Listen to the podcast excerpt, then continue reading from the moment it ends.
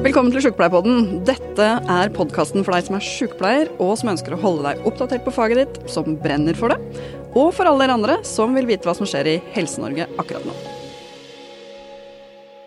Hjertelig velkommen til en ny episode av Sjukepleierpodden.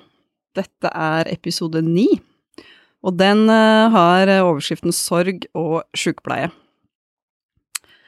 Og for noen eh, år tilbake, når jeg var fylkesleder i Oslo, da hadde jeg en veldig god kollega som var eh, tillitsvalgt eh, på en av de store sykehusene i Oslo. Og han het eh, Audun Moe. Det gjør du fortsatt. Og han hadde vi invitert inn i studio i dag. Hjertelig velkommen til deg. Tusen takk. Og Lill, du er selvfølgelig også med og skal snakke med Audun i dag. Jeg kjenner jo Audun fra mange Mm. mange år tilbake Mm. i tid. Vi har møttes på flere store konferanser og landsmøter selvfølgelig opp gjennom årene, så jeg er også veldig veldig glad for å ha Audun her i dag. Mm. Som jeg sa, så tenkte vi at eh, episoden i dag skulle handle om, eh, om sorg. Og vi planlegger jo disse episodene, og så eh, setter vi oss ned sammen og, og ser på hva kan være et interessant tema for sykepleiere. Hva syns vi er et interessant tema, og hvilken gjester kunne vi tenke oss å invitere som, som har noe å tilføre til den samtalen. Og jeg tror at de av dere som også hørte på forrige podkastepisode, som vi hadde med Ruth Donovan, eh, så er det jo sånn at alle mennesker, helt uavhengig av eh, hva slags bakgrunn man har, om man er sykepleier eller ikke, lev, opplever jo en eller annen gang i løpet av livet sitt sorg og, og tap på noen eh, måte. Og Audun, du, du er jo på vår alder. Hvor gammel er du? Blir 35 i oktober. Nei, du er jo skulle så han er jo litt han er jo yngre. Jeg bare tuller. Ja. Eh, Men eh, vi kjenner jo deg som eh, liksom Audun, med veldig mye energi, og som klarer det, alt det du setter deg fore. Mm. Og så har du også vært veldig åpen eh, om noe som skjedde deg og din familie for eh, to år siden. Snart to år. Mm. Da mista du Samboer. samboer, Ja. Karine, Ja. mm, i en sykkelulykke. Stemmer. Kan ikke du fortelle litt om Karine, og hva som skjedde den dagen hvor hun døde? Jo, det kan jeg gjerne. Um, den dagen er jo en dag som jeg husker veldig godt. Eh, Den har jo brent seg fast. Det er jo ikke så unaturlig, det. Um, jeg var jo på jobb som vanlig, Mm. og Karine var i Oslo. Hun har akkurat begynt på eh, master i avansert klinisk sykepleie på Lovisenberg.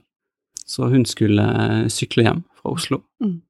og ble påkjørt og drept av en eh, lastebil nede ved operaen. Dersom Der som de holder på På det, det tidspunktet holdt på å bygge, da. Mm. Det nye biblioteket og nye bydelen der. Så ble påkjørt av en lastebil der, og døde. Mm. Jeg fikk jo beskjed om dette når jeg var på jobb. Eh, Det kom en eh, prest og to politifolk til, til jobb, og så hadde de måtte snakke med meg. Og eh, presten Jeg er veldig glad for at presten sa det som det var, Mm. med en gang. Eh, Vi gikk inn på et lite møterom, og så sa han det liksom så, så brutalt og så enkelt som det var, da. Dette har skjedd. Mm. For hun var død. Det, hun Ja. var død på stedet. Ja, Ja. Hun, hun døde der nede. Mm. Eh, Og det var skadene hun fikk, var så omfattende at eh, etter, etterkant har vi jo gått igjennom papirer og rapporter, og Mm. eh, det var, det var sånn multitraume, rett og slett. Ja. Og så er jo jeg da i sjokk, selvfølgelig. Eh, det, det er jo ikke noe man kan forberede seg på, en sånn beskjed. Sånn livet blir snudd opp ned på den måten. Um, men det første jeg sier til presten, uh, det første jeg tenker på, er at jeg må hente Sara Mm. i barnehagen. Dattera mi, uh, som på det tidspunktet var 14 måneder, som hadde gått i barnehagen i halvannen måned. Mm. Jeg må hente henne, hun må hjem. Eh, Og allerede da var jeg jo i en sjokk. Det var jo på en måte Det var survival eh, mode eh, for alle penger. Mm. Ja. Så det er jo på en måte de første timene, det første, det som skjedde den dagen. Mm. Var det det du gjorde? Du Ja. dro i barnehagen og henta, Jeg kjørte hjem sammen med presten. Ja. Han satt på med meg. og så bra at de ikke lot deg alene? Ja, det, politiet lot ikke meg kjøre alene Mm. da, vet du. Man skal ha med seg noen Mm. eh, i en sånn situasjon.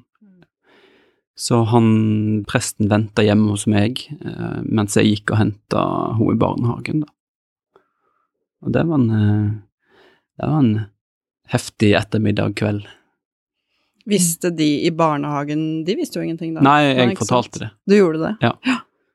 det var, jeg fortalte det til en, en av de som jobber der, og så fikk hun fortelle det videre til sjefen, og Mm. sånn at vi ble Sånn at jeg slapp å fortelle det til enda flere, da. Jeg måtte bare komme meg hjem og Hva rakk du liksom å tenke før presten fortalte deg eh, hva som hadde skjedd? Ja, det husker jeg veldig godt, fordi det første jeg tenkte, var nå har det skjedd noe med Sara. Mm. Altså nå har det skjedd noe med dattera vår. Mm. Altså det var liksom Det var det første som slo meg. Mm. Et eller annet har skjedd med, med en av barna. Mm. Sara jeg tenkte på først. Er det sånn at presten kommer altså, For jeg vet jo at presten kommer hvis det er et dødsfall, men kommer presten hvis det er en alvorlig ulykke òg? Eller så er det litt sånn Nei, det vet jeg ikke. For jeg ville tenkt at liksom, hvis presten kom på døra, at da Ja. Det er noen som er døde, da. Ja. Jeg er jo veldig glad for at det var en prest. Ja. Mm. En prest som som var veldig trygg. Det var en voksen mann, dette her. Mm. Som, som ikke skjulte Han la ikke skjul på noen ting. Han sa ting som, som de var, og, eh, men òg var så trygg da at jeg skal være med deg hjem. Mm. Jeg blir så lenge du trenger meg. Jeg er her til noen andre kommer. Mm. Så, så han var med oss den ettermiddagen, helt til eh, onkelen min kom da, Mm. utpå ettermiddagen. Overtok. Du kjente ikke han fra før? Han presten? Nei. Nei. Nei. Og det må jo Det høres jo så utrolig heftig ut, liksom. Den derre bobla som du må være i der, hvor du bare tenker sånn Ja, men nå, nå må jeg Det jeg faktisk må gjøre nå, er å hente barnet mitt. Mm. Kan ikke gjøre noe annet. Det Ja. Det er jo en sånn eh, Det er nok en beskyttelsesmekanisme i det òg. At da nå må jeg gjøre noe som jeg kan, Mm, noe som jeg vet jeg klarer å få til. mm, Hvis du hadde gitt meg en oppgave, lese en bok eller noe, så tror jeg ikke det hadde vært like lett.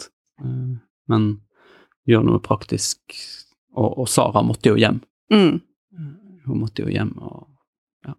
Fra barnehagen stengte jo. Ja, ikke sant. Det er akkurat det. det ja, barnehagen stengte jo.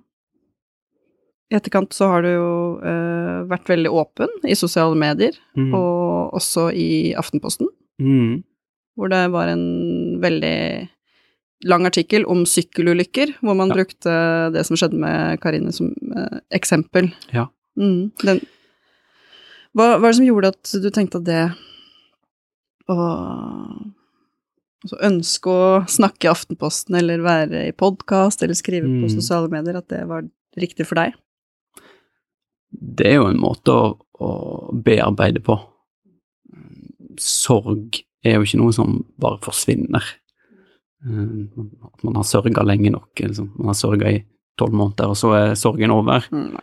Eh, Men det finnes mange måter å håndtere sorg på. Sant? Eh, Og for meg så har det fungert å, være åpen. Mm. Det har fungert å snakke om eh, sorg, Mm. om tap. Eh, Det har fungert å snakke om Karine. eh, Fortelle til andre hvem hun var. Mm. Og det har òg- fungert å, å dele hvor vanskelig og hvor, eh, ja, unnskyld uttrykket, men jævlig det har vært, da. Mm. Det det har, det har hjulpet meg enormt. Jeg leste en gang, eh, og jeg jeg tror det var igjen, nå henviser jeg stadig til Kari Martinsen, hun hører hvor glad jeg er. jeg er blitt veldig glad i Kari Martinsen, men jeg mener at det var hun som var inspirert av Søren eh, Kirkegård Mm. også, som, eh, som da skrev om, om sorg som at det var to måter å komme seg gjennom eh, sorg på. Det ene var å um, stille spørsmål. Stille spørsmål ved alle de tankene, alle de, refleksjonene du gjorde deg, og gjennom det å stille spørsmål, så kunne du svare sjøl, eller du kunne få andre, altså i den Mm. relasjonen til andre, til å hjelpe deg å svare ut. Det var det ene. Og det andre var å gå tur. Jeg tenker at det passer egentlig veldig godt, sånn som jeg kjenner deg, og sånn som jeg også har fulgt deg, eh, fulgt deg på, på Facebook gjennom den her to årene som har vært, Mm. på måten du har håndtert og gjør sorgen på. Det er jo noe med at altså, sorg er jo Du kan jo velge å flykte fra det, sant. Mm. Med de konsekvensene det kan ha. Man går inn i en sånn såkalt langvarig og en sånn alvorlig sorgreaksjon. Mm. Og for meg i begynnelsen så var nok, så var nok trening eller fysisk aktivitet og en, en flykt. Det var det. Det er, det, det er ikke noe å legge skjul på det. Men, men idet jeg liksom forsto at, så, at fysisk aktivitet, trening, bevegelse, altså alle de positive tingene det medførte, Mm. så var det ikke lenger flykt. Fordi da kunne jeg bruke de timene eller den halvtimen i fysisk aktivitet som, som et lite pusterom, i stedet for. At, og heller komme tilbake til, til sorgen, eller til, til bearbeidelsen etterpå og før. Men bare det å vite at jeg, at jeg hadde trening på ukeplanen og på timeplanen min, det, det var alfa og omega, det, etter hvert. Altså. Muligheten til å rett og slett ikke tenke på det jævlige Ja. en liten stund. Ja. Ja. Det er jo det du har drevet med, er jo definitivt liksom gå tur 2.0-versjonen, da. Fordi Mm. for de som ikke kjenner deg, så er du Du har vel kanskje alltid vært veldig glad i fysisk aktivitet, Ja. det vet jeg ikke, men nå har du i hvert fall tatt uh, tak eh, videre, Ja. vil jeg si. Forrige helg løp du 80 km eller noe sånt. ja. Søkk imponert.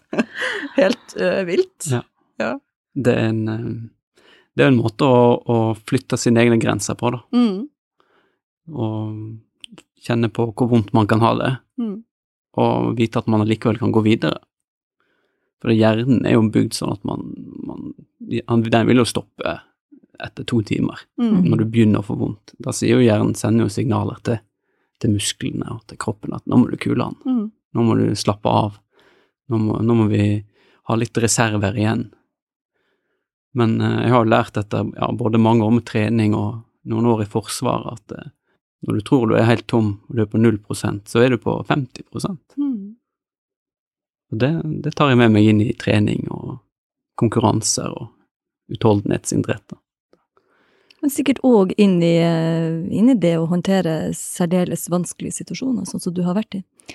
Sant? Det fysiske er jo én ting, det vi tåler, men vi tåler jo så innmari mye mer også i den, i den psykiske smerten.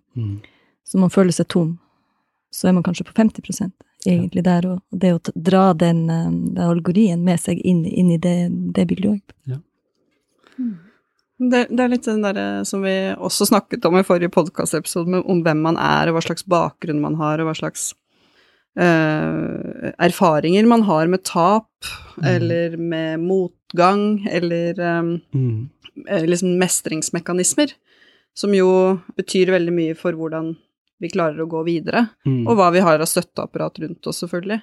Men fordi du, kan ikke du si litt om din egen bakgrunn nå, Audun, fordi du er jo sykepleier, men du har også en litt interessant bakgrunn akkurat knytta til dette, tenker jeg, med videreutdanninga di, hvor du jobber, Forsvaret. Ja, Ja. den, eh, det er jo Psykisk helse mm, har jo vært liksom rød tråd gjennom min sykepleierkarriere mm, siste ti år. mm, Fra å jobbe med de dårligste pasientene Oslo kunne tilby, på lukka intensiv psykose, som det så fint het, tilbake i 2009, til å ta videreutdanning i psykisk helsearbeid, med det fokuset der liksom man skal ha, ikke behandle så mange på sykehus, men det er ute i kommunen det skal skje, og forebyggende mm, til å ta videreutdanning i VIVO, som da er sånn voldsrisikovurderinger for alvorlig psykisk syke, Mm. og ende opp med da en, en, til slutt med master i helseadministrasjon, Mm. som, som er liksom en litt annen retning igjen, men som òg er en erfaringsbasert master, Mm. som, som likevel kan knytte meg tett opp mot faget Mm. i, i ledelse. Knytte ledelse, den, den formelle ledelsesbiten opp mot det å ha erfaring som leder. mm. det er jo mange, mange eh, I tillegg til Forsvaret, selvfølgelig, Mm. eh, som, der man jobber med, med traumer. Man er veldig tett på. Mm. Eh, så, så er jo den, en, det er en, en sammensatt, men òg veldig Jeg føler For meg har det vært en veldig riktig vei å gå, da, i Mm. sykepleien. Mm. Og mm, Karine var jo òg sykepleier Mm. utdanna seg som sykepleier. Hun, eh, hun jobber jo med eldre, Ok. eh, og i kommunen, og på helsehus. Hun eh, tok jo ofte med seg jobben hjem, som sikkert Som mange gjør. som mange gjør, som ikke er ukjent. Mm. Og vi hadde jo veldig mange gode diskusjoner, og, og vanskelige diskusjoner Mm. rundt middagsbordet. Men det er, dette, det er jo det som er så fint med sykepleien, at det er ikke alltid man har svaret. Det er ikke alltid man veit hva som er rett og galt. Og, og hvis man har et stort sykepleierhjerte, som, som både jeg og som Karine hadde, Mm. så har man jo så lyst til å hjelpe. Mm. Altså, vi sykepleiere kunne jo vært på jobb 20 timer i døgnet, vi, bare for å hjelpe. Mm. Så, så, men det å klare å, å sette noen begrensninger, da, det er sunt. Mm. Har du alltid kunnet det, eller når lærte du deg det? Å sette de begrensningene? Som sykepleier, altså. Med ledelse så er det jo mange begrensninger, da. Mm. Når man jobber jo som leder i dag, og da, da er det jo Min jobb er jo ofte å begrense andre, Mm. si nei. En stor del av det som er lederjobben, dessverre. Å være sette tydelige rammer. Fordi man har jo ofte mennesker rundt seg som, som har lyst til å bidra, som har lyst til å få til, Mm. lyst til å hjelpe. Mm.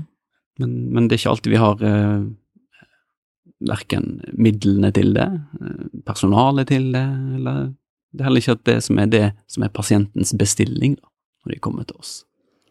Tenker du at um, det at du er sykepleier, og med den, den videreutdanninga og den erfaringa du har, og så havne i den situasjonen som du har vært i, klarer du å sette ord på om det har hatt betydning?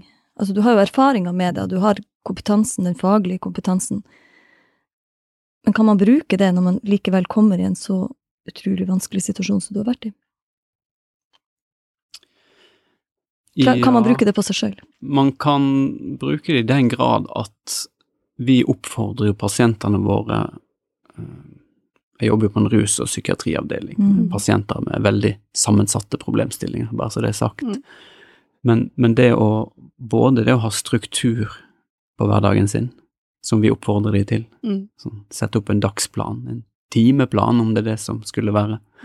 Eh, skap forutsigbarhet for deg sjøl. Det har jeg tatt med meg. Det har vært veldig nyttig for meg Mm. i den krise, krisen jeg var, da. Mm. Bare ha en plan for dagen. I dag skal jeg gå ut 20 minutter. Og det var der vi begynte. Mm. Det er én ting, å ha, å ha forutsigbarhet og struktur. Mm. Det kan være med på å redusere angst, stress, eh, bedre søvn, eh, skape trygghet. Det andre er at eh, vi oppfordrer jo pasientene våre, eh, og det gjør jo man på sykehus og hvor det måtte være, til å ta imot hjelp Mm. og be om hjelp. Mm. Og det var når, når jeg først ble sjuk sjøl, da, Mm. etter denne hendelsen, når jeg først trengte hjelp av hjelpeapparatet, Mm. så var det I begynnelsen så var det sånn at da skal alle hjelpe, men etter hvert så, så kommer det til et punkt der, der den, den obligatoriske hjelpen er slutt. Mm. Og hvis du da ikke ber om hjelp, ja, da, får, da får du ikke hjelp. Og Det er der jeg tenker at det kan være en sånn særlig utfordring, fordi at hvis det var noen andre i din familie, så er det jo gjerne sant, er, det, er det noe med bilen, så er det mekanikeren i familien man spør. Er det noe med helsa, så er det sykepleieren eller helsepersonellet som trør til og hjelper også i, i, i egen familie. Sant? Mens her var det jo du. Det er jo du som er sykepleier. Ja. Så hvem du hadde rundt deg til å hjelpe deg, og det å, det å skjønne sjøl at man trenger hjelp, også utover. Det var nok en eh, Jeg brukte nok alle All den erfaringen jeg hadde som sykepleier, ble nok brukt på en eller annen måte Mm. i den situasjonen her. Krisehåndteringssituasjonen. Så det å tørre å be om hjelp, tørre å være tydelig, tørre å si fra at jeg har det vondt. Eh, ikke forhaste ting, sant. Jeg var jo sykemeldt i ja, Fullt sykemeldt var vi nesten et halvt år. 100% Og så gradvis tilbake, da, opp mot eh, maksgrensa, liksom. Mm. Så jeg var, jo, jeg var jo veldig trygg på at dette kom til å ta tid. Mm. Jeg måtte bruke tid. Jeg måtte skape et nytt grunnlag for, for at jeg skulle kunne fungere som far, fungere som kollega, som leder igjen på et eller annet tidspunkt. Så, så måtte jeg tørre å bruke nok tid, da. Det var, det var viktig. Det er noe med at du, liksom å vite det òg, at uh, sorg tar tid, og at det ikke At det ikke går Altså sånn Det er noe man bærer med seg, tenker Mm. jeg, eh, resten av livet, og så går det litt sånn ulike stadier, hvordan det er å leve med det. Men det, det var sikkert individuelt, da, men det, det, du snakka litt grann om eh, eh, Når vi snakka på telefonen, Audun, om forskjellen på Om det kanskje var en forskjell på hvordan kvinner og menn eh, sørger. Tror du det? Det blir jo generalisering, da, Det, selvfølgelig. blir men... litt, det er gjort mye forskning på sorg. Ja. Altså Atle Dyregrov, blant annet, er jo, er jo liksom en av de mest anerkjente og erfarne.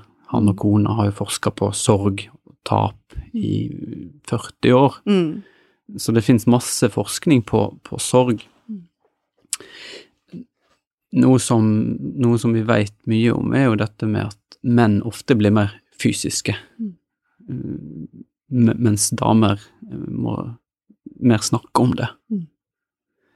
Menn kommer ofte lettere over og liksom klarer å ta et steg videre i sorgen, mens, mens jenter ofte, eller kvinner, eh, ofte kan bli lengre eh, deprimert, blant annet. Det er, det er jo ofte eh, mye risikoatferd knytta til, til disse sorgreaksjonene. Mm. Alkohol, eh, beroligende sovemedisiner, eh, annen type ukritisk atferd som man ser. Det, det, om det er en forskjell på menn og kvinner, det, det vet jeg ikke.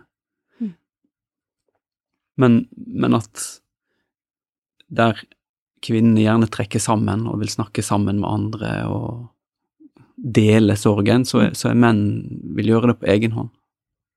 De, og og de, vil, de vil klare det på egen hånd. Det, det er en stor forskjell. Ja, sy- syns du det beskriver deg sjøl òg, på en måte? At det, du passer stereotypien, eller for å si det sånn, da? Eh, Både ja og nei. Mm.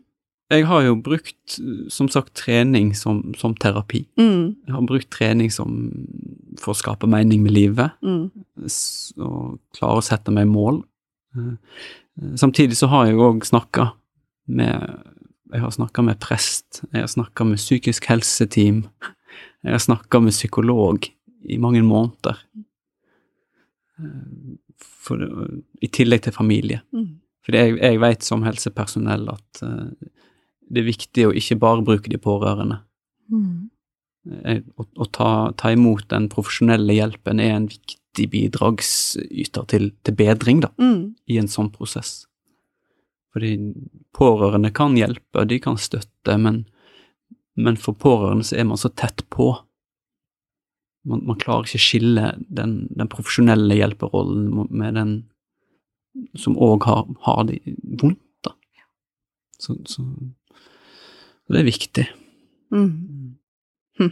Men du, i den eh, Du er jo leder innen psykisk helse og rus, som du sier. Eh, reaksjoner på sorg kan jo være også liksom, misbruk av eh, rusmidler, for eksempel. Da. Har den opplevelsen endra altså, synet ditt på pasienter og pårørende som har opplevd sorg og tap og død? Altså, har du fått mer forståelse, eller har, det, liksom, eller har du allerede klart å finne det i teorien? Altså, skjønner du hva jeg spør om? Ja. Ja. eh, mine pasienter i dag, da, Mm.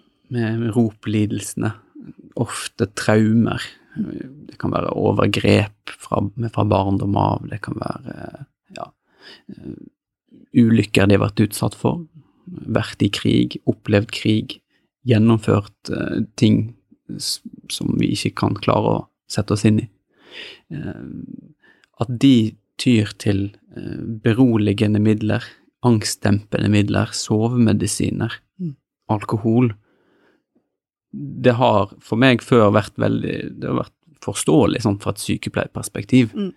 men, òg men etter at jeg sjøl har opplevd eh, en såpass alvorlig hendelse, Mm. så, så skjønner jeg òg at det er jo fryktelig lett å ty til. Mm. Vi har jo pasienter som, som, bare, som har ringeavtale med fastlegen sin om å få ut 100 Sobril, 100 tabletter med Sobril. Mm. Altså, og da blir man fort avhengig Ja, ja. av Sobril. Ølsalget åpner klokka ti. Det fins ingen, ingen farligere rusmidler i Norge enn alkohol. Mm. Så, så hvis man ikke har noen beskyttende faktorer rundt seg, da, noen som ser at en blir dårlig, Mm. Noen som kommer og spør om hvordan har du det, hvis du ikke sjøl evner eller har kapasitet til å, til å be om hjelp, hvis ventetiden på poliklinikken er, er syv uker, Mm. så er det ganske mye du kan Det er ganske mye vondt som kan skje på de syv ukene. Mm. Så er det noen ting med eh, Det er jo som du, som du snakker om de, de midlene som er med på å Som gjør at du får sove, som gjør at du klarer å slappe av. Men det å finne de andre måtene å holde ut de vanskelige følelsene, og som du sier, eh, fysisk aktivitet er en ting. For min del så har jeg tenkt at det ville ha vært eh, det, det er noe med den, den kroppslige kontakten òg. Det å ha noen å holde rundt som er skikkelig tett nær. Det kan, du gjør det jo ikke lenger med mor og far. eh, Sant? Det, er jo, det, er jo, det er jo den partneren du har Mm. som du er fysisk nær på den måten, for å sove om kveldene, eksempel. Eh, hvordan håndterte du det? For det er jo noe med at når, når det er partneren din som er borte, så Ja. hvordan kommer man sånn kroppslig nær noen andre? Hvordan klarer man å få ro? Jeg var jo veldig heldig som hadde mye venner, eh, og nære venner, naboer, familie, Mm. som, som var viktige støtte for meg i første tiden etterpå. Mm. Det, det kommer man ikke unna, de der eh, De skulle jo De kunne jo på ingen måte erstatte det jeg hadde mista, men, men den tryggheten det gav å, å vite at at man hadde kompiser, eksempel, Mm. som ikke nødvendigvis var så, så nær, men som bare sa men bare ring meg når som helst. Vi er der, hele gjengen er der, alle gutta er der, hva som helst. Den, den tryggheten, det ga meg ro, da. Og det var ikke noe sånn substitutt for noe annet, på en måte. Det, det kunne jo aldri erstatte, det visste jo alle òg. Det er ingen av de som stilte opp som kunne erstatte Karine, men, men de kunne bidra til å eh, gi noe annet, da. Den Den treningen som jeg begynte med, det er jo litt eh, det er en interessant historie. Mm. For jeg skriver jo bok om dette her. Ja, sant? det gleder jeg meg til å lese. Mm. Og jeg husker veldig godt dagen etter ulykka, at jeg snakka med en av disse mine beste venner, Stian. Så sa jeg til han at eh, Stian, om ett år så skal jeg gjennomføre en Ironman-konkurranse Mm. i København. Mm. For det hadde jo jeg, meg og Karine hadde jo avtalt at vi skulle til København. Mm. Og på en eller annen absurd måte så ble det målet Mm. eh, om å, å gjennomføre den konkurransen, eh, det ble en eh, sånn livlinje, da. Mm. Hva heter det? Liv... Sånn, Jo, Livbøye. Ja, livbøye. livbøye. Mm. For meg, gjennom det året. Det gav Det gav det på et eller annet tidspunkt gav det plutselig større mening å skulle gå ut og trene. Sant? Mm. Større mening å skulle ha en plan med trening. Mm. Plutselig, plutselig var det viktig hva jeg spiste igjen. Sant? Det var jo, gikk jo ned fem kilo Mm. de første ukene der. Og så plutselig måtte man begynne å tenke på søvn igjen. Sånn. Første tiden så sov jeg jo ikke. Da måtte man drikke vin og ta beroligende og Mm. angstdempende. Mm. Men så klarte jeg da å endre fokus, og kjenne at kroppen faktisk responderte på det å være fysisk aktiv, da. Det, det tok vel kanskje tre måneder, da, tolv uker. Mm. Så det å, sette seg et mål Men Jeg sier jo ikke at alle skal ta og melde seg på Ironman. ikke gjør det. Jeg kunne sikkert ha valgt noe, noe litt eh, mildere. Mm. Men, men sett deg et mål. Mm. Det er med på å ta fokus. Det, faktisk med, det kan være med på å, å dempe smerte ved å utsette seg sjøl for fysisk, Mm. Fysisk, om ikke smerte, men fysisk aktivitet. Mm. Det er, det er angstdempende, sant. Det er, det er beroligende. Det øker konsentrasjonsevnen din. Det øker matlyst. Så det, det er så mange positive effekter ved, eh, ved trening, da. Det er veldig fint det du beskriver også, for at det er jo egentlig basal sykepleie. Vi prata litt om hva er egentlig i sykepleierutdanninga knytta til sorgarbeid. Mm. Og det er veldig lite sånn som man klarer å finne som konkrete læringsmål som for en basic, altså for en bachelor i sykepleie som Mm. går på sorgarbeid. Men det bakes jo inn i det eksistensielle, eh, i verdigrunnlaget, i det å kommunisere, i omsorgen, men også i den her helt basale sykepleien, egentlig, som fra Florence Nightingale sine de- tider med, med lys og luft og bevegelse og ernæring, eliminasjon, altså helt basalt. Og det er det du beskriver, Ja. sånn som nå. Og struktur. Ja. At du har et mål for dagen, men at du også har en struktur. Det er noe du skal ha gjort i løpet av den dagen. Mm. Veldig fint beskrevet.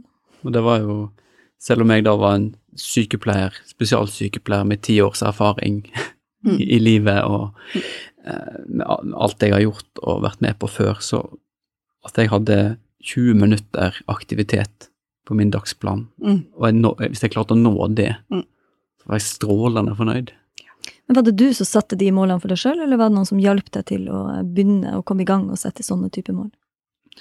Jeg gjorde det på egen hånd. Ja. Det gjorde jeg. Jeg tenkte det er mange som har sånn helsebakgrunn, også idet man blir pårørende. Ikke sant, Idet du kommer inn fordi idet det har skjedd en alvorlig ulykke eller du mister noen, så blir du helt handlingslamma, så klarer man ikke helt å bruke den erfaringa sjøl. Ja. Altså, jeg har opplevd det selv òg. Broren min var i en alvorlig trafikkulykke, og det, både mamma og jeg er jo sykepleiere, men da var det bare sånn Sorry, du må snakke til meg som jeg er et barn. Jeg Mm. skjønner ikke hva du sier nå, jeg forstår ikke de latinske ordene der. Det som betyr noe for oss, er at Petter kanskje dør. Mm. Uh, og det jo tror jeg liksom at vi Og så kanskje idet du kommer ut i andre enden, på en måte, idet du begynner å se litt uh, Klarer å puste litt igjen, da.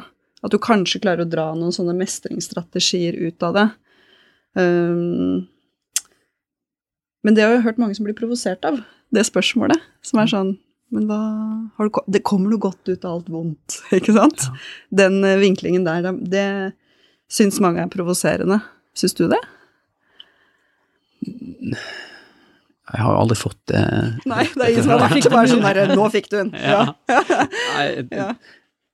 Det handler jo mye om hvordan man klarer å altså Mindset. Mm. Det sier jo en sånn sorgforskning og Mm. forskning på dette området om at det finnes ulike mennesketyper. sant? Mm. Det er like mange ulike sorgreaksjoner som det finnes mennesker. Mm. Og alt er normalt. Sånn, sorg er på en måte bare reaksjoner. Mm. Ulike måter å reagere på. Som jeg sa, de, det tok tolv uker før jeg kunne begynne å trene. Mm. De første tolv ukene, så, så, om det var mandag eller torsdag, om klokka var fire på natta eller ti på morgenen, Mm. hvem jeg hadde snakket med, hva telefoner jeg hadde tatt. Dagene flyr, ukene flyr. Mm. Var det ett glass vin, eller var det fire? Sant? Det, det, er så, det er så absurd, den første fasen, eller for, første tiden, at, at hvis man ikke har vært i det, så tror man kan prøve å sette seg inn i det, men man vil aldri forstå. Nei. Hvordan var det med dattera di på denne tiden? Hun gikk i barnehagen. Mm. Hun ble beskytta. hun var hjemme, eh, men eh, hun, skulle ha en så normal hverdag som mulig. Ja. Hun var 14 måneder på det tidspunktet eh, Karine døde, så hun eh, Hun husker jo mamma, eh, som hvis vi ser på bilder Mm. av mamma. Eh, Så sier hun 'mamma i hjertet', sier hun. Mm. Mm. Um, og vi har masse bøker, vi viser bilder, snakker om mamma. Mm. Eh, og så er jeg så veldig heldig at jeg har et veldig godt forhold til, til besteforeldrene, altså Mm. Karines foreldre, Så bra. som, Mm. som, som passer Sara og bruker mye tid med Sara. Mm. Det, det er fint, det er viktig for, Mm. for meg, da. Mm. For jeg har også hørt eh, beskrivelse av eh, krisesituasjoner sånn som det her, som, eh, som om man skulle drukne. Og så kan Mm. man tenke seg at drukning, da eh, Ideen om at hvis et menneske drukner, så roper du, eller du, du gjør jo ikke det. Sant? Du er ofte denne stille døden med drukningsdød, for at du bare, du bare står og trør veien. Mm. Man klarer ikke å rope, man klarer ikke å gi noen beskjed, eller noen ting, og man klarer i alle fall ikke å berge noen andre oppi det. Så sånn som du, som både da er i en alvorlig krise for din egen del, og samtidig skal du jo fortsette å være pappa i denne Mm. fasen også. Så det å, um, det å håndtere en, en, en sånn situasjon òg Det er veldig, veldig morsomt, eller morsomt Det er veldig interessant at du bruker den metaforen, Mm. fordi i boken min ja. så skriver jeg om akkurat det. Mm. Ja. Mm. Så mm, hvis dere vil, så kan jeg lese. Ja, Veldig gjerne. Ja, jeg skal finne. Veldig gjerne.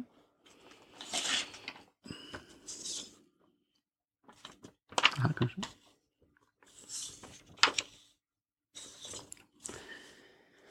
For dette her er jo ikke Dette er jo en, dette er en slags beskrivelse av Det er ikke når jeg får eh, dødsbudskapet, og det er ikke Det er ikke sånn tre måneder etterpå, det er en slags det er Kanskje en, en dag eller to etter ulykken, da. Mm. Se for deg at du er ute på havet i en liten båt. Det er en varm og behagelig sommerdag. Det er vindstille. Du hører barn som leker i det fjerne. Noen ler, og noen spiller gitar et sted. Sola varmer kroppen din.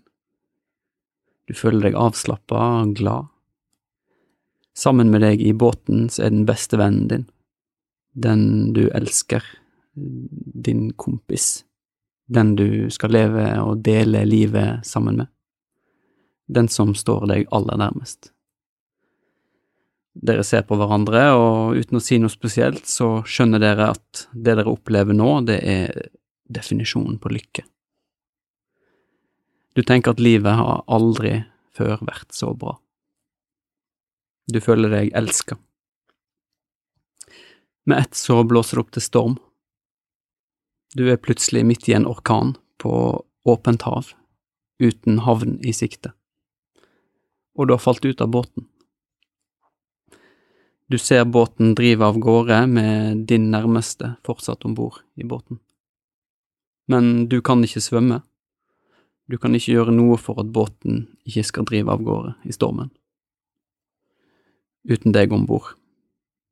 Vannet er iskaldt. Kulden skjærer seg gjennom klærne dine, gjennom huden, og det gjør vondt. Det gjør så fryktelig vondt. Samtidig så begynner det å synke. Du forsøker å kjempe mot den altfor tunge børen som vannet har skapt av klærne dine. Du klarer ikke å holde hodet over vannet lenger. Du kjenner at det kalde vannet sluker siste rest av varmen du hadde opparbeidet deg når du var i båten. Alt fra huden og inntil de minste blodårene i kroppen din fryser nesten til is. Du forstår ingenting av hva som skjer, men du synker, og båten ser du ikke lenger. Og rundt deg så er alt svart, kaldt og stille. Det kjennes ut som du har blytunge lodd på skuldrene, men du synker fortsatt. Det er ikke en lyd noe sted. Alle sansene er i høy spenning for å prøve å forstå. Hva er det egentlig som har skjedd? Det hjelper ikke. Det er kun kaos. Trykket av det mørke, kalde vannet rundt deg påfører kroppen din smerter du ikke trodde du kunne oppleve. Trykket i brystet gjør det nesten umulig å puste. Sjokket gjør synet ditt uskarpt og tankene uklare. Saltvannet gjør at tårene du gråter ikke synes og ikke lar seg tørke bort. Ingen hører deg rope om hjelp. Du prøver å forstå situasjonen, men ingen logiske tanker eksisterer. Til slutt når kroppen din bunnen. Du er på det mørkeste, kaldeste, dypeste stedet i verden. Alt gjør vondt, ingenting gir mening. Du har aldri noensinne følt deg så alene. Du vet ikke lenger om det har gått to minutter eller tre uker siden du falt ut av båten. Du kjenner deg så forlatt og så fryktelig redd. Du kjenner deg ikke lenger i live. Men om du ikke er i live, hva er du da? Og hvor er du da?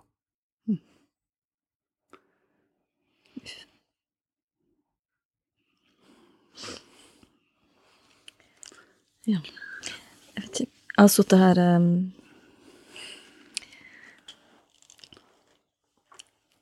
Det er noe i møte med med mennesker som er i krise, og i møte med sterke historier.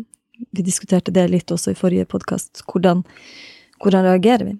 Hvordan vi er opplært også som sykepleiere. Hvordan vi har erfaring med som sykepleiere, hvordan man reagerer. Skal man, skal man gråte? Skal man, skal man vise de følelsene som man selvfølgelig òg kjenner på? Jeg kjenner på, du kjenner på nå når vi Vi kjenner jo deg, og vi vet din historie, men det er så utrolig sterkt når du også beskriver det på den måten du gjør.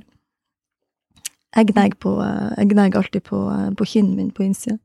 Sitter og pirker skikkelig hardt på neglen her. Sånn at jeg igjen kjenner smerte en annen plass, sånn at jeg skal slippe å kjenne på en forferdelig ubehagelig følelse sånn at jeg egentlig vil gråte. Det er sterkt. Det er veldig sterkt.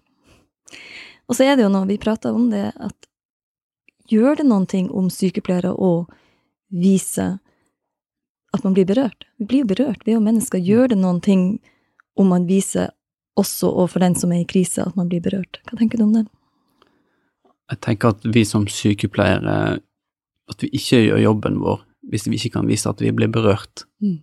av de sterke historiene, av, av de tunge eh, skjebnene. Altså vise at vi er medmennesker. Jeg tror det er der vi må begynne, da. Da er vi gode sykepleiere. Mm. For dette, iallfall fra mitt fagfelt, så er det ofte mennesker som, som ikke har, har andre enn sykepleieren til å være den som, som kan vise følelser sammen med dem. At vi kan le sammen med pasientene våre. At vi kan gråte sammen med pasientene våre. Mm. Hvis de har fått et forferdelig budskap, eh, om det er om sin egen eh, helse eller om en venn de har mista, for eksempel. Så, så jeg mener at vi, vi sykepleiere vi gjør, vi gjør den aller beste jobben hvis vi kan være medmennesker, i tillegg til å være sykepleiere. Mm. syns jeg er så godt bilde av akkurat det som du beskriver her, med det å drukne, for at noen Du er ikke i stand til å Du er i alle fall ikke i stand til å hjelpe noen andre der og da. Du konsentrerer deg om å klare å komme opp til overflata og klare å få puste igjen. Mm. Sant? Og det er det eneste man klarer å konsentrere seg om. Og så trenger man kanskje hjelp til alle de her dagligdagse tingene i den første fasen. Man trenger hjelp til å klare å sparke ifra igjen for å få redningsvest eller å få luft nok igjen, så du kommer opp til overflata. Og det er jo det sykepleiere kan gjøre, i lag med selvfølgelig Mm. venner, familie, annen type helsepersonell også. Men det å finne den her krafta, sånn at den personen sjøl klarer å sparke ifra og komme til overflata. Mm. Da er vi jo heldige eh, som har eh, i hvert fall, I hvert fall jeg er heldig som har venner og familie rundt meg som så meg, Mm. Som så at samme hvor mye jeg ville ta vare på dattera mi på egen hånd, og ville klare å ha, holde huset rent og Mm. gjøre alle disse viktige og riktige tingene, så måtte jeg få hjelp. Mm. Jeg hadde ikke sjans. Er det hjelp for deg også å skrive? For min egen del gjør jeg det. Når det er vanskelig for meg, ikke bare i sorgprosesser, men når det er vanskelig, når det er ting jeg trenger å forstå for min egen del, så jeg skriver meg ofte ut av det. En, ne- nesten litt sånn dagboknotat. Og nå er du i gang med å skrive en bok. Mm. Ja, det hjelper. Det, det, det er liksom sykepleierrefleksjon, det, for min del. Mm. Eh, hva, er det, hva er det man har gått gjennom i en episode, for eksempel?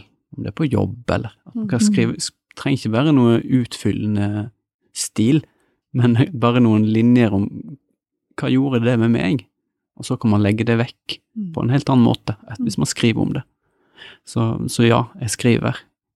Og det er vel litt sånn som du, Silje, snakker om at eh, du, du har fulgt med på sosiale medier, og det er jo jeg syns det er viktig å skrive om ikke bare solskinnshistoriene.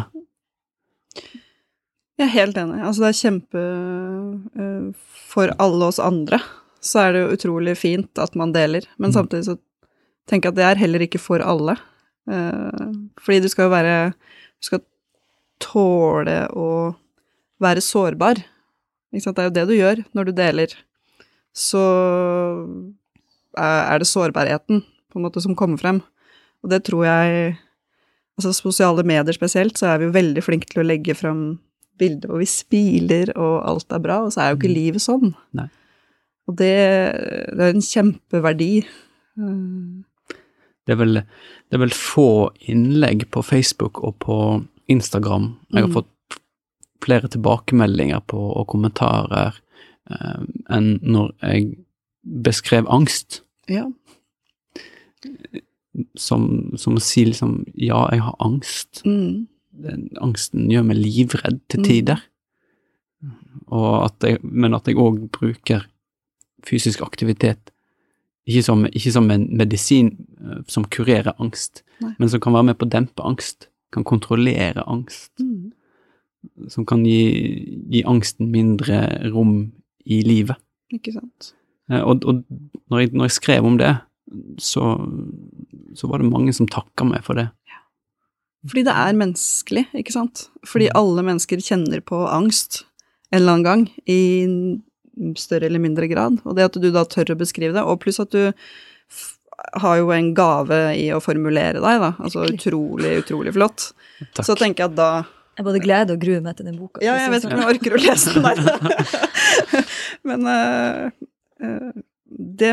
Altså det Når du klarer det, så treffer det noen. Og selv om det er på Facebook, ikke sant, så det, der er faktisk folk, da. De leser det. Jeg leste den statusen uh, i går sist, Ja. for da tenkte jeg bare liksom skralla meg gjennom. Så det når, når kommer boka? Hva er planen? Planen er forhåpentligvis før jul Mm, i år. mm, Sånn at det kan bli noe som du kan kjøpe til noen som kanskje trenger å forstå sin egen situasjon, mm. som, som kanskje Der du, du lurer på hvordan du skal hjelpe, hjelpe noen som du ser sliter.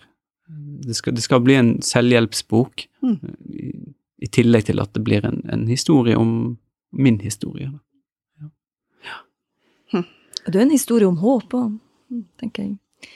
Det har jo skjedd eh, også mange fine ting i livet ditt eh, etter hvert. Ja, altså absolutt. Det er noe med håp, ikke sant? Det å finne den krafta til å sparke fra, fra bunnen. Håp eh, Uten håp så hadde man ikke Hadde ikke jeg kommet meg videre, i hvert fall. Mm. Og håp er jo òg Håp er òg en reaksjon, sant? Mm. Det kan, håp kan være en reaksjon i en, i en sorgbearbeidelse. Mm. Det å håpe at, at jeg får sove godt i natt. Hå- Håpe at, eh, at jeg får, eh, får i meg maten min i morgen. Mm. Jeg håper det. Jeg håper at jeg klarer å knyte joggeskoene mine så jeg kommer meg ut på tur. Det syns jeg er utrolig interessant, for det vet jeg ikke om folk flest tenker på. Det er jo noe du lærer som sykepleier, og nettopp hvordan du skal finne håp i øyeblikket, når du er sjuk, ikke sant, når folk er i en krise. Ellers når vi eh, tenker håp, så kan vi tenke ja, jeg håper at eh, jeg kommer meg til eh, London til neste år, eksempel. Det har vært artig. Altså, men til forskjell fra det å faktisk klare å knytte på deg joggeskoene og komme deg ut Mm. i ti minutter. Ja. Det å få sove. Det å få en time uten smerte. Vent. Det handler om å bryte det ned. Gjøre det, gjøre det, gjøre det overkommelig, da. Gjøre livet overkommelig. Mm. Fordi hvis du, hvis du Vi jobber mye med dette med våre pasienter. Mm. Eh, Hvis du kommer til meg med alle dine problemer, så skal vi fikse alt. Det er ikke sånn det fungerer. Vi er nødt til å uh, sortere, og så er vi nødt til å prioritere. Mm. Og det må man hvis man, hvis man er i en krise òg. Kanskje du må ha hjelp til å prioritere. Mm. Men, men det, det i seg sjøl kan være, være en bidragsyter til håp, da. Når man klarer å bryte ned og se at selv om du har mange problemer, selv om utfordringene er enorme, så kan vi prøve å gjøre den ene lille tingen i dag. Mm. Mm. Istedenfor å tenke at man er mislykka på alt, så kan man kanskje få til én liten ting. Ja, og det Tenk så viktig det er, fordi det handler jo også om å akseptere At liksom livet noen ganger er dritt, men dette kan jeg få til. Og dette kan jeg få til. Og det er både å få overfor seg selv, men som sykepleier, og, og det å ta med seg det og klare å gi det til pasienten sin, så man faktisk Det er jo en Hvis du klarer å gi det til pasienten, det lille håpet, den Ja, den lille mestringsteknikken, da, eh, så kan jo det faktisk endre et liv. Mm. Mm. Det er ikke verst. Du skal ikke kimse av eh, håp. Nei. Det er mye, det er mye bra med håp. Ja. hvis du klarer å Hvis du tør å håpe, Mhm. så kan vi begynne der, da. Ja, det å håpe at livet kan bli bra igjen, det kan bli gode øyeblikk igjen.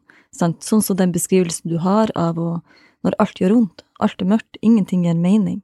Sant? Hvordan klarer man å komme inn med et lysglimt, at det blir litt koksgrått på, på sida av Mm. alt det svarte? For du klarer ikke å tenke der og da, så du tenker jo ikke, du er opptatt av å klare å puste.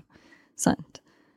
Du tenker ikke da på at det er noen ting som skal gi At du skal ha, kunne gode dag, ha gode dager igjen. Mm. I den, i den, på den mørkeste tiden, for ja, halvannet år siden, snart to år siden, så har jeg sett tilbake og tenkt at barna mine var jo, var jo også en av livbøyene. Mm. det de, de gav livet mening, da. Mm. Når alt var meningsløst. Så at jeg hadde barna, det var en utrolig viktig faktor for meg. Mm. At ikke, vi, at ikke jeg ble skjerma fra barna mine fordi at jeg var i en sorg, en krise. Mm. At vi prøvde å opprettholde rutiner. At, eh, at de, hun eh, yngste gikk i barnehagen, hun eldste gikk på skolen. Mm. Altså alle disse små, viktige tingene som de kunne måtte bidra med. Mm. Det var alfa og omega. Tenk så mye jeg har lært bare på få år knytta til sorghåndtering. både for oss, altså for voksne, men og for barn spesielt. Jeg, skal si, jeg vokste opp på 80-tallet. Jeg fikk jo ikke, Da var det sånn, da skulle barn skjermes fra alt som hadde med tap og død å gjøre. Ja. Så eh, mamma visste en god venninne i en trafikkulykke, liksom, så bare Nei, men da bare slutter vi å snakke om det. Det var ikke, da, da, det var ikke noe sånn Nå veit vi mye mer om at de trenger ærlige svar, de trenger å få lov til å være aktivt deltakende, de trenger å minnes. Ja. Eh, Men det er jammen ikke lenge siden, tror jeg, og noen ganger kanskje henger det litt grann igjen også. Det var jo eh, Det er jo ikke mange tiår siden hvis en skoleklasse mister en elev, så Mm. bar de jo ut skolepulten samme kvelden. Ikke sant? Sånn at de skulle slippe å forholde seg til Ja. det. Så, så der har man jo kommet langt. Mm. Og så som, sy som sykepleiere og stå i sorg, så tror jeg det aller viktigste er at vi, vi tør å snakke om det. Mm. Tør å snakke om det som er kjernen i, i det du står i. Mm. Vet du, jeg har jo jobba på, på, på universitetet med sykepleierstudenter i, i en del år. Og når de skal ut i praksis, har hatt tredjeårsstudenter òg, og når de skal ut i praksis, så noe av det de beskriver, de skal sette opp læringsmål, ikke sant, hva de ønsker å oppnå med denne praksisen. Så kommer de altså tredje og avsluttende år, men likevel stort sett alle har den beskrivelsen i sine læringsmål med det å møte folk i sorg, møte død, og møte folk i sorg, som det, er det de gruer seg mest til med praksisen, det de syns aller, aller vanskeligst. Har du noen tips til eh, sykepleierstudenter som skal ut i møte med Som er ny, altså flere av de her eh, er 20-årene, begynnelsen av 20-årene, og har ikke de erfaringene med seg sjøl. Det aller beste tipset er jo å bruke praksisveilederne. Bruke eh, sykepleiere som jobber på den aktuelle avdelingen, og, og snakke med de. Altså, hvordan møter dere pårørende eh, som har mista noen her? Hvem er altså, den som har lang, lang erfaring fra avdelingen? Hva er prosedyrene? Altså, vi må jo bryte det litt ned, sant? hvem er det som faktisk skal snakke med, med pasienten siste, siste døgnene av, av livet, når de ligger på en på hospice, for eksempel? Mm. Er, er det da rett setting for meg som student å gå inn? Sånn at de kan forberede seg på det før sorgen treffer de. Mm. Fordi sorg og krise Som sykepleierstudent så møter man det før eller siden. uansett. Mm. Men, men hvis man kan forberede seg, bruke de ressursene som er på avdelingen, ikke nødvendigvis lese seg opp på sorg, hvordan håndtere sorg, men snakke med de erfarne sykepleierne som er på avdelingen. Så dette her syns jeg er vanskelig. Hva, hva er dine beste tips? Mm. Det ville i hvert fall jeg satt veldig pris på hvis studentene hos oss eh, sa noe til meg som Mm. leder. Hvordan møter dere denne multitraumatiserte pasienten? Jeg er veldig glad du sier, for det er egentlig det som bruker å være mine tips når jeg sender Ja. dem ut i praksis. Og snakk med dem det gjelder, altså snakk med sykepleieren og snakk med lederen. Også om hvordan man jobber med det på den, eh, den arbeidsplassen.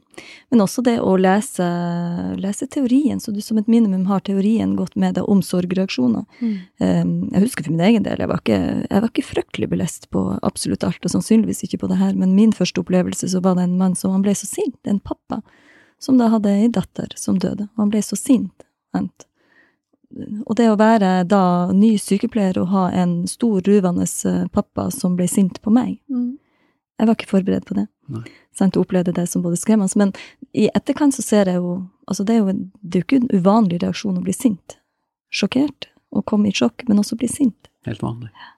Så at man er forberedt på alle det spekteret av reaksjoner til, til at du bare kan ha en helt, altså du kan late som du Eller det kan se ut som du nesten ikke har fått det med deg. Altså mm. den sjokkreaksjonen der du fortsetter som før. Skal hente dattera i barnehagen. Mm. Mm. Alle, alle de reaksjonene er helt normale. Det hele, hele spekteret.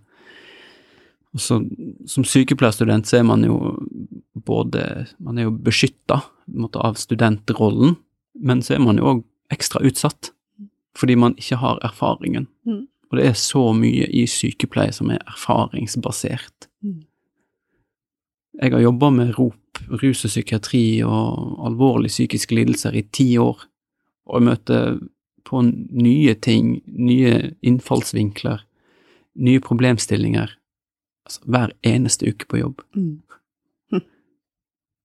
Så, og, og med flere videreutdanninger og alt, alt som er, så, så er det likevel, man er likevel ikke rusta, altså 100% rusta til, å- til å ta imot alt man møter.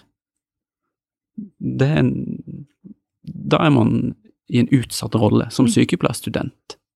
Det tror, det tror jeg at sykepleiere kan kjenne seg igjen i, om det er somatikk eller kirurgi eller ja, hjemmetjenesten, de enorme utfordringene sykepleierne møter på der. Liksom. Mm. Du har vært der i ti år, så er det ikke sikkert det er enkelt å gå på jobb. av den Det er det som er så utrolig fint med sykepleierfaget òg, ikke sant? At ingen dag er lik, og du møter nye utfordringer hele tiden. Men det krever jo at vi har mot, da. Mot til å gå inn i de situasjonene hver eneste dag og tenke at nå Også i dag skal jeg høre på denne lidelseshistorien, også i dag skal jeg møte det med verdighet, og også i dag skal vi klare å finne en løsning og gå videre, liksom. Og så er jo sykepleiere bare mennesker, dem òg, så det må jo være lov å Det sier jo mange òg, at de blir veldig slitne. At det emosjonelle stresset ved å være Mm. sykepleier er eh, kanskje altså, like tøft som Vi snakker jo ofte om alle de tunge løfta i, i helsetjenesten, men det emosjonelle stresset er jo kanskje enda større, nettopp fordi at du møter mennesker i så mange situasjoner hvor du også kan speile deg sjøl, da. Mm. Og det tenker jeg at når studentene kommer i en sånn situasjon hvor du skal møte død og kanskje ikke har erfaring med det, eller den erfaringa du har, det er din egne kjip opplevelse at bestemora di som du var veldig glad i, døde, ikke sant, så møter du dine egne reaksjoner kanskje også veldig hardt. Det er der ledelse kommer inn Ja. også. Særlig viktig. At man tar vare på den, den personen som den ansatte. Det er jo ikke bare, det er ikke bare et hode eller noen hender, det er en person med seg og sine reaksjoner i det, Mm. som trenger at lederen ser deg. Ja, det er, jo, det er jo det som er utfordringen da, for, for mange ledere. Mm. Det er jo balansegangen mellom å være til stede i avdelingen kontra den administrative skal vi si, det administrative ansvaret som en leder tar, da, Mm. og må ta. Som den er pålagt å gjøre, de oppgavene. Hvis du, hvis du ikke har kontakt med, med det som skjer ute i avdelingen, så er det òg vanskeligere for, for deg som leder å støtte opp Mm. det er vanskeligere for deg å tolke de, de signalene Mm. som, som kommer når, når du kommer inn på vaktrommet. Det er kanskje, det er kanskje noe som alle vet, Mm. unntatt du. Ja. Kan du si noen ting om din egen opplevelse av å komme tilbake på jobb? Etter ulykken, tenker du på? Mm. Ja. Mm. Jeg ble jo møtt med veldig respekt. Mm. Eh, Jeg hadde, jeg jo- hadde jo vært åpen om hva som hadde skjedd hele veien, og min leder igjen var åpen. Vi ønska åpenhet rundt det, da. Rundt prosessen. At jeg skulle begynne med å være på jobb to timer. Bare for å være, Mm. bare være på jobb. Ikke åpne mailen eller noen ting, bare være det. Og en sånn gradvis eh, tilbake til jobb. Så, så min, min leder igjen mm, og meg hadde jo en god plan på dette. Mm. Det var ikke sånn bare kaste meg tilbake og begynne å jobbe fordi at du er sykepleier og du kan faget. Mm. Det var sånn du må begynne på nytt. Mm. Bygge deg opp igjen. Være sikker på at dette går. Og så måtte vi sette en fot i bakken Mm. og si nå må vi ha pause. Mm. Det, og sånn, det tok jo et år, sant, å være tilbake igjen i full stilling. Mm. Så, men å ha forståelse fra, fra de ansatte, det, det opplevde jeg hele veien. Det var viktig. Mm. Og så har jeg jo klart å brukt situasjonen i møte med pasientene. Så. Fortalt deler av historien, og kanskje gi andre håp, da Mm. gi pasienter håp.